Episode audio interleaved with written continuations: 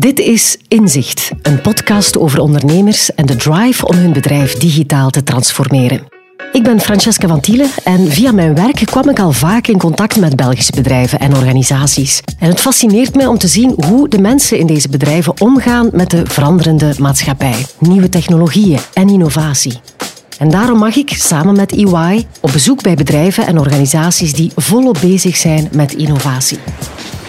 We zijn in Zeebrugge bij ECS2Excel, een logistiek bedrijf dat zich al 25 jaar specialiseert in het transport van goederen van en naar het Verenigd Koninkrijk.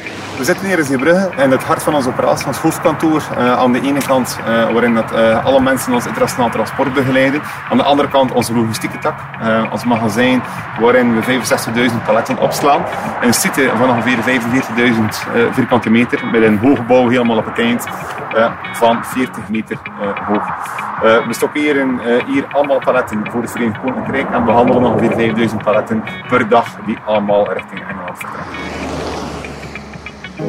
Op 31 december 2020 stapt het Verenigd Koninkrijk definitief uit de Europese Unie. En dat heeft natuurlijk een grote impact op bedrijven, zoals ECS2 Excel. Bij mij zit Frankie de Pril. Dag Frankie, jij bent Global Trade Leader bij EY. We horen nu al jaren over de Brexit, hè? maar laten we even de klok terugdraaien. Hoe is dat referendum er eigenlijk gekomen? Er is eigenlijk een hele evolutie die voorafgaat aan de brexit. Hè. Dus het referendum in, in uh, juni 2016, eh, dat is natuurlijk niet uit de lucht uh, komen vallen. Het Verenigd Koninkrijk is in 73, 1973 bij de toenmalige Europese gemeenschap gekomen, later de EU. En eigenlijk heeft men eigenlijk van in het begin schrik gehad in Engeland dat eigenlijk de macht, de invloed van Brussel te groot zou worden. De financiële crisis, de eurocrisis, uh, de welke in Griekenland ongeziene proporties heeft aangenomen. Uh, daarop volgend ook de vluchtelingencrisis. Dat zijn allemaal elementen die, ertoe, die ervoor gezorgd hebben dat eigenlijk de verdeeldheid in het Verenigd Koninkrijk alleen maar groter werd. Uh, dat heeft er ook toe geleid dat uh, Nigel Farage, ons niet onbekend, uh, en in zijn zog de vele brexiteers eigenlijk een grotere ja, aanhang kregen en meer macht kregen. En eigenlijk zag David Cameron eigenlijk ook een stijgende verdeeldheid in zijn partij. En in de praktijk heeft David Cameron met het referendum eigenlijk geprobeerd om de onverdeeldheid enerzijds in het Verenigd Koninkrijk en anderzijds in zijn eigen partij een halt toe te roepen. Niemand had eigenlijk gedacht dat de uitkomst een werkelijke brexit zou zijn en dat is effectief een feit. En binnenkort is het zover. En ze hadden wellicht ook niet gedacht dat het zo moeilijk zou zijn om effectief te scheiden van de EU. Wat zijn de hete hangijzers die ervoor zorgen dat er nog altijd geen deal is? Wat Theresa May uiteindelijk niet gelukt is, is Boris Johnson wel gelukt. Let's get the Brexit done. Um, dus einde januari ja, zijn de Britten uit de EU gegaan. Uh, we zitten nu in de transitieperiode die de facto eindigt einde van dit jaar. Het handelsakkoord, waarover al zo lang sprake is, dat is nog steeds geen feit. Boris Johnson had aangenomen dat 15 oktober de deadline zou zijn om een handelsakkoord te krijgen. Momenteel, en dat is ook de visie van de Europese Raad, zijn er eigenlijk drie hete hangijzers. Eén daarvan is de visserij. Lijkt niet zo heel belangrijk, maar is wel zeer belangrijk, onder andere voor Frankrijk, omdat de Europese vissers eigenlijk toegang zouden moeten blijven kunnen hebben tot de Britse wateren. Een tweede punt is, de EU eist een gelijk economisch speelveld, een level playing field. Dat betekent eigenlijk dat men als Europese Unie wil vermijden dat het Verenigd Koninkrijk als het ware een Dubai aan de Noordzee zou worden of een Singapore. Men wil eigenlijk dat de, het Verenigd Koninkrijk de Europese regels omtrent bijvoorbeeld staatssteun, belastingsregimes, klimaat, milieu handhaaft zoals vandaag in de EU. Een derde punt is natuurlijk de zogenaamde governance. Men wil eigenlijk als Europese Unie ook dat er voldoende toezicht kan uitgeoefend worden op de toepassing van het akkoord dat uiteindelijk gesloten zal worden. We willen eigenlijk een soort ja, governance board of een, een uh, geschillingcommissie in het uh, leven roepen dat eigenlijk de twee partijen in staat stelt om te ageren in geval een van de andere partijen eigenlijk uh, de regels niet zou naleven. Noord-Ierland blijft natuurlijk wel een zeer gevoelig punt. Enerzijds wil de Europese Unie dat het deel blijft uitmaken van de Europese interne markt. Anderzijds wil het Verenigd Koninkrijk dat het deel uitmaakt van het Verenigd Koninkrijk. Dat zijn twee zaken die heel moeilijk te rijmen vallen in de praktijk. En er is wel een kader gecreëerd in het uitredingsakkoord, maar hoe dat in zich in de praktijk zal vertalen is nog steeds zeer onduidelijk. Je hebt zelf verschillende jaren in Londen gewoond. Hoe is dit voor jou om afscheid te moeten nemen van een land waar je toch ja, veel voeling mee hebt? Ja, uh, beide in het hart, als ik eerlijk ben. Ik heb het geluk gehad om uh, een aantal jaren in uh, Londen te kunnen wonen en werken. Bij het transportbedrijf ECS2XL doen Hugo Donche en Joan Bremers er alles aan om zich zo goed mogelijk voor te bereiden op het onbekende. Joan Bremers, ik ben Brexit Project Manager bij ECS2XL. Dus uh, bezig met de voorbereiding voor uh, onze door-to-door divisie om ja, alle klanten, alle partijen en ook intern alles klaar te stomen voor Brexit. Uh, ik ben Hugo Donche, commercieel directeur uh, ECS2XL. daarnaast ook heel wat interactie en communicatie met klanten om, rond Brexit uiteraard, die volop bezig is. Ik slaap minder goed, maar ik slaap nog.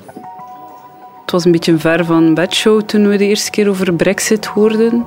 Het is ook al heel veel vals alarm geweest. Maar, en dat, dat maakt het ook wel wat moeilijk. Voor mij vooral heel veel onbegrip ook ergens bij klanten. Dat ze eigenlijk niet beseffen van wat houdt het juist in voor mij. Nu ook nog heel veel klanten die denken van als er een deal komt, moet ik niks veranderen. Wat natuurlijk niet waar is. En dat, uh, dat maakt het verhaal heel moeilijk. Het was een beetje surreal het moment dat dat gebeurde. En we dachten allemaal van goed, economisch gezien, dat kan niet. De impact gaat fenomenaal zijn. Het gaat allemaal vrij soft uh, gebeuren. Maar dan zie je de politiek erop springen en het Hanse spel en, en de carousel die gedraaid heeft in de afgelopen drie jaar. En dan hebben we toch op een serieuze rollercoaster gezeten van de, de, de impact voor de business zal toch fenomenaal zijn. En wij gaan hier moeten aan beginnen. En elke dag opnieuw stellen we vast dat de impact effectief fenomenaal is. Um, mensen vaak niet bij stilstaan is. Sommige klanten zeggen, wij zijn klaar, wij hebben een douanedienst. Um, ja, maar wij hebben toch een beetje informatie nodig van jullie. Ja, maar niet is goed, het is in orde, wij doen alles zelf. Ja, dat kan, maar wij zijn de vervoerder. Wij moeten het water over. Uh, wij hebben heel veel uh, verplichtingen, wettelijke verplichtingen aan beide zijden van het water. Uh, dus wij gaan toch van u wat informatie moeten krijgen. De brexit zal gevolgen hebben voor bedrijven. Hoe kunnen zij zich voorbereiden? Toen brexit een feit werd, toen zagen we vooral dat buitenlandse firma's, Amerikaanse firma's vooral, ook die met headquarters in, in de EU, eigenlijk de eerste waren om zich te beginnen voorbereiden. Later volgden daar de Belgische bedrijven en, en de EU-gevestigde bedrijven. In de praktijk gingen die bedrijven eigenlijk uit van het standpunt dat men nog niet voldoende wist om zich ten degen te kunnen voorbereiden. Nu, er waren inderdaad heel veel zaken die we niet wisten. Er zijn nog vandaag heel veel zaken die we niet weten. Maar tegelijkertijd is het wel een feit dat er heel veel zaken zijn die we wel weten. En in de praktijk zien we dat ook vandaag nog altijd de bedrijven eigenlijk heel veel aandacht besteden aan voorbereidingen in de supply chain, de logistieke keten, de grenscontroles, grensformaliteiten. Maar in de praktijk is de impact veel groter dan enkel dit. Ja, het gaat ook over ja, productreglementering, het gaat ook over systeemaanpassingen die moeten doorgevoerd worden, de btw-behandeling die gaat wijzigen. Er zijn heel, heel wat zaken waar bedrijven rekening moeten mee houden om zich daar tegen voor te bereiden. Als we kijken naar het voorbereidingstraject hè, dat wij gedaan hebben bij bedrijven, dan gingen wij eigenlijk altijd in eerste instantie kijken naar de bestaande goederenbewegingen, de bestaande productportfolio. Dan gingen wij op basis van data-analyse kijken wat de financiële impact zou zijn van Brexit op, uh, laten we zeggen, het financiële aspect van, van, van, van de organisatie. Dan gingen we gaan kijken naar in welke mate een bedrijf afhankelijk is van leveranciers. Uh, hoe een afzetmarkt eruit ziet, hoe afhankelijk zij zijn van, van, van het Verenigd Koninkrijk eigenlijk de koer. eens wij eigenlijk dat in kaart hadden gebracht, dan gingen we kijken naar wat zijn voor hen de grootste risico's. Hebben bedrijven bijvoorbeeld gecontroleerde producten, producten die onderworpen zijn aan certificering, aan, aan uitvoerlicenties, invoerlicenties en dergelijke meer. Als je dan uiteindelijk in kaart hebt gebracht wat de financiële impact is en je hebt in kaart gebracht uh, waar de grote risico's zich bevinden, dan kan je gaan denken over oké, hoe kunnen we die aanpakken. Er komen grenscontroles. We weten welke producten eigenlijk onderworpen zullen worden aan die controles. We weten voor welke producten er certificering zal nodig zijn, et cetera, et cetera. Het grote ontbrekende luik is nog steeds een handelsakkoord. Maar ik ga even verwijzen naar wat Christian van der Waren, de directeur-generaal van de douaneadministratie, al meermaals heeft gezegd. Voor douane eigenlijk maakt het niet zo heel veel uit of we een harde of een zachte brexit hebben. Eigenlijk het verschil zetten in is er een handelsakkoord of is er geen handelsakkoord. En eigenlijk betekent dat, als we een handelsakkoord hebben, dan gaan de douanerechten herleid worden tot nul. Dan gaan er ook geen beperkende maatregelen van toepassing zijn, zoals quota bijvoorbeeld. En dan gaan er wellicht ook minder controles zijn. Maar we moeten ook weten dat de douanerechten alleen zullen wegvallen voor producten die ook effectief in de EU of in het VK geproduceerd zijn. Dat de tijd dringt begon al vrij vroeg de dagen bij ECS2 Excel. Ze beseften dat ze zich moesten voorbereiden op de Brexit, ook al wisten ze en weten ze nog altijd niet precies hoe de uitstap uit de EU zal verlopen. Wij zijn op een bepaald moment uh, in november uh, eh, 17, als ik me niet vergis, uh, zeg ik het correct, niet november 18, beginnen beseffen van die deadline, maart 19, die komt met rassenschreden dichterbij. We hebben toch nog relatief weinig gedaan. het zal waarschijnlijk wel gebeuren. we moeten in actie schieten. En dan is dat alle hands aan dek met een ongelooflijke korte tijdspanne. Rekening houdend dat wij geen douane-ervaring hebben. Wij uh, opereren binnen vrij verkeer al 25 jaar. Um, en wij hebben daar dus niks mee te maken. Allee, was ondertussen al 15 jaar geleden dat er nog douaneheftes waren in Europa. Uh, en dan begint een impact te komen van oei, en wat moeten we gaan doen? Hoe gaan we de zaken gaan voorbereiden? Tot de deadline, die dan uh, een half, tien dagen voor de deadline van de hard brexit eind maart komt dan het verlossende nieuws. Het gaat niet door. Het gaat twee weken achteruit. Dan denk je, toch nog even tijd. Even naar de oppervlakte ademhalen en uh, we gaan terugduiken. We gaan verder en dan krijg je daar het nieuws van oké, okay, opnieuw zes maanden uitstel. Oef, wat meer tijd. Uh, nog een versnelling hoger. We gaan nog wat bijschakelen in onze voorbereidingen. Um, en dan uh, opnieuw, ja, tien dagen, twee weken, voor de deadline in oktober uh, in 2019, hebben we dan het nieuws gekregen van we hebben één jaar de tijd. Goed, dat jaar is ongeveer nu voorbij. Um, en uh, goed, er is nog wel wat werk aan de winkel. Um, als firma specialiseer je in het uh, in verkeer naar het Verenigd Koninkrijk. En is het belangrijk om alle voorbereidingen goed aan te vatten, want uh, de impact is er. Um, in, eerste instantie dachten wij ook van goed, de klant zal wel zijn douaneaangiftes doen en daarmee is de kous af. Maar vrij snel is duidelijk geworden dat dat zeker niet het geval is. En dan is het in feite land per land, flow per flow in kaart gaan brengen van waar zitten de impacten, um, uh, wat gebeurt er in dit land, wat zijn de vereisten van douane. Uh, we kunnen zeker niet zeggen dat we helemaal klaar zijn, want hoe kun je volledig klaar zijn voor iets dat nog niet helemaal gekend is. Zeker aan de Britse kant zijn er echt nog heel veel ontwikkelingen, heel veel zaken die eigenlijk nog niet duidelijk zijn. Als je echt concreet over scenario's gaat spreken en wat als ik dit doe, wat moet ik dan doen, ja, dan krijg je er eigenlijk nog geen antwoord op. Er is heel veel onwetendheid bij bedrijven, onzekerheid ook, verwarring. Hoe moeten bedrijven zich voorbereiden op die toekomst, de nieuwe situatie vanaf 1 januari 2021?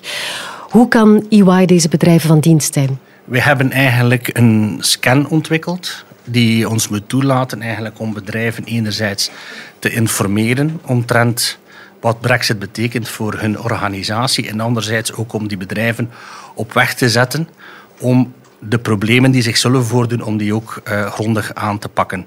Wat we wel gezien hebben in de praktijk is dat onze ondersteuning eigenlijk altijd maatwerk is gebleken omdat het afhankelijk is van de omvang van een bedrijf, de activiteiten van een bedrijf, de productportfolio, hoe belangrijk het Verenigd Koninkrijk is voor hun bedrijfsuitvoering en ga zo maar verder.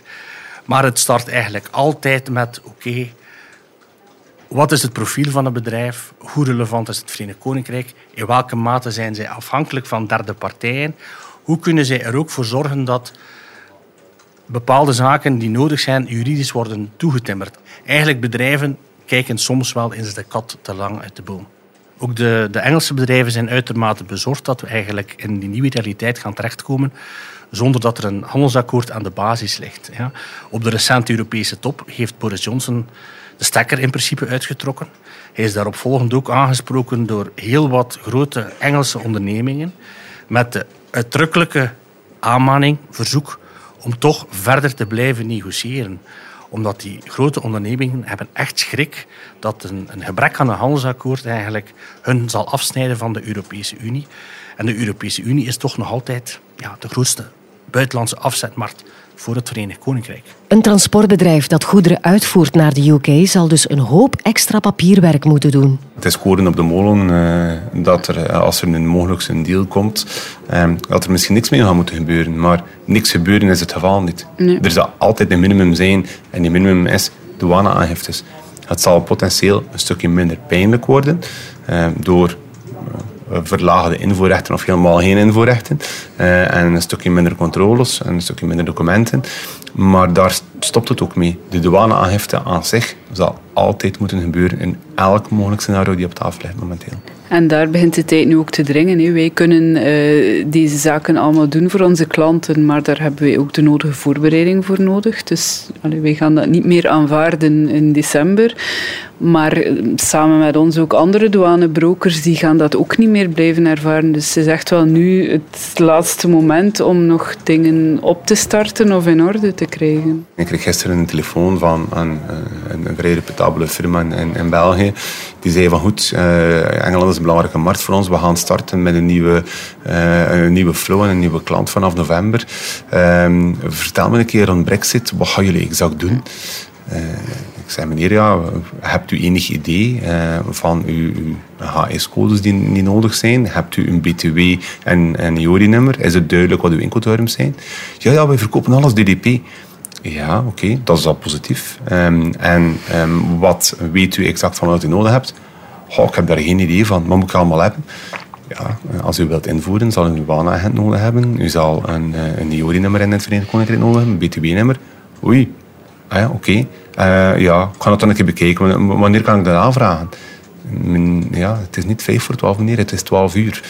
Uh, als u het nu niet aanvraagt, is de kans dat u het voor 31 december hebt nog, onbestaande. Dus tijd om wakker te worden. En nee, het is 15 oktober. We zijn 2,5 maand voor de deadline. Als u daar nu nog moet aan beginnen, dan is het eigenlijk te laat. 2XL ECS is, is natuurlijk een, een transportfirma. Zij doen opslag in Zeebrugge en doen transport en zij zorgen voor alle dienstverlening die daarmee gepaard gaat. Ja. Als we kijken naar andere producerende ondernemingen, ja, dan, dan is de insteek toch wel lichtjes anders. Wij hebben hen bijgestaan eigenlijk om het nodige inzicht te bekomen in wat de vereisten zijn, wat, welke data zij moeten verharen van hun cliënten, om uh, de goederen verscheept te krijgen naar het Verenigd Koninkrijk. Zij zijn ook een dataplatform aan het bouwen, omdat zij een verregaande automatisatie uh, in het werk willen stellen met hun cliënten. Wij hebben hen geholpen om de juridische aspecten dicht te timmeren. Juridische as aspecten zowel naar externe douaneagenten, maar ook naar hun cliënten toe. Wat zijn de verwachte kosten? Die zaken hebben wij allemaal in kaart gebracht voor hen. Eigenlijk zodanig dat zij hun dienstverlening na 1 januari kunnen garanderen naar hun cliënten toe. De rode draad doorheen een organisatie blijft anticiperen op de noden van hun klanten, als ook een verregaande automatisatie ten einde de snelheid om de goederenbewegingen te kunnen ondersteunen en te kunnen vrijwaren. We worden geholpen, we worden begeleid. En er is de douane aan de ene kant, er is EY als, als onze begeleider en adviseur aan de andere kant, eh, om ons door dit eh, volledige bos eh, te gaan loodsen. Want het is een kluwen, hè. Eh, het, het, is verder van eenvoudig. Ja, ik denk dat die waai voor ons uh, een, een steun en toeverlaat geweest is in moeilijke momenten. Uh, om daar allee, de volgende stappen te kunnen gaan zetten. Want allee, we zijn een specialisten niet. Uiteindelijk is, is, is, zijn we door de handse flow gegaan, van A tot Z. Waar is dit een impact? wat kunnen we exact verwachten? Wat zijn mogelijke scenario's? Wat zijn mogelijke uitzonderingen? Het blijft dus erg onzeker wat er zal veranderen op 1 januari. En toch moeten ze voorbereid zijn. Er is een border operating model waar dat allemaal beschreven staat. Maar als je daarin leest, dan als je dit doet en dan kan je dat doen en dan kan je dat doen. En het is zo'n een decision tree van honderd mogelijkheden alleen waar niemand aan uitgeraakt. He.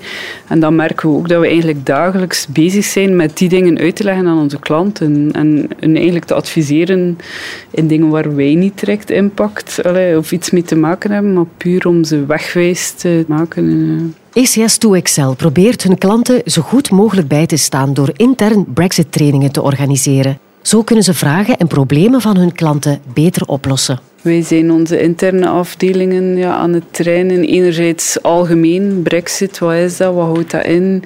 Uh, want die krijgen natuurlijk ook allemaal vragen van klanten. Maar anderzijds ook van wat verandert er voor jou uh, op het moment van, van brexit. Dus echt die, die procedures gaan aanpassen ja, op alle vlakken. We proberen ook naar, naar onze klanten toe heel duidelijk te communiceren. Ik denk dat dat toch wel een van onze, onze pijlers nu is, is om onze klanten gewoon te helpen. Allee, zij weten niet altijd alles van brexit en wij willen hun daarin gewoon informeren, begeleiden en, en zorgen dat we eigenlijk samen uh, die stappen kunnen zetten. En ik denk dat dat ook de enige manier is voor andere partijen om zich voor te bereiden. Met hun klanten praten, met, de, met, de, met, de, allez, met alle partijen praten. Met de douane, met de port community systemen. Het is, het is juist doordat iedereen de juiste afspraken maakt met elkaar, dat het verkeer wel kan, kan blijven gaan. Ik denk dat de bedrijven misschien het meest van kunnen leren.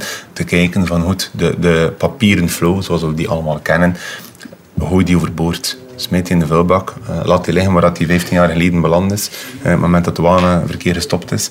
Um, en kijk naar digitalisatie.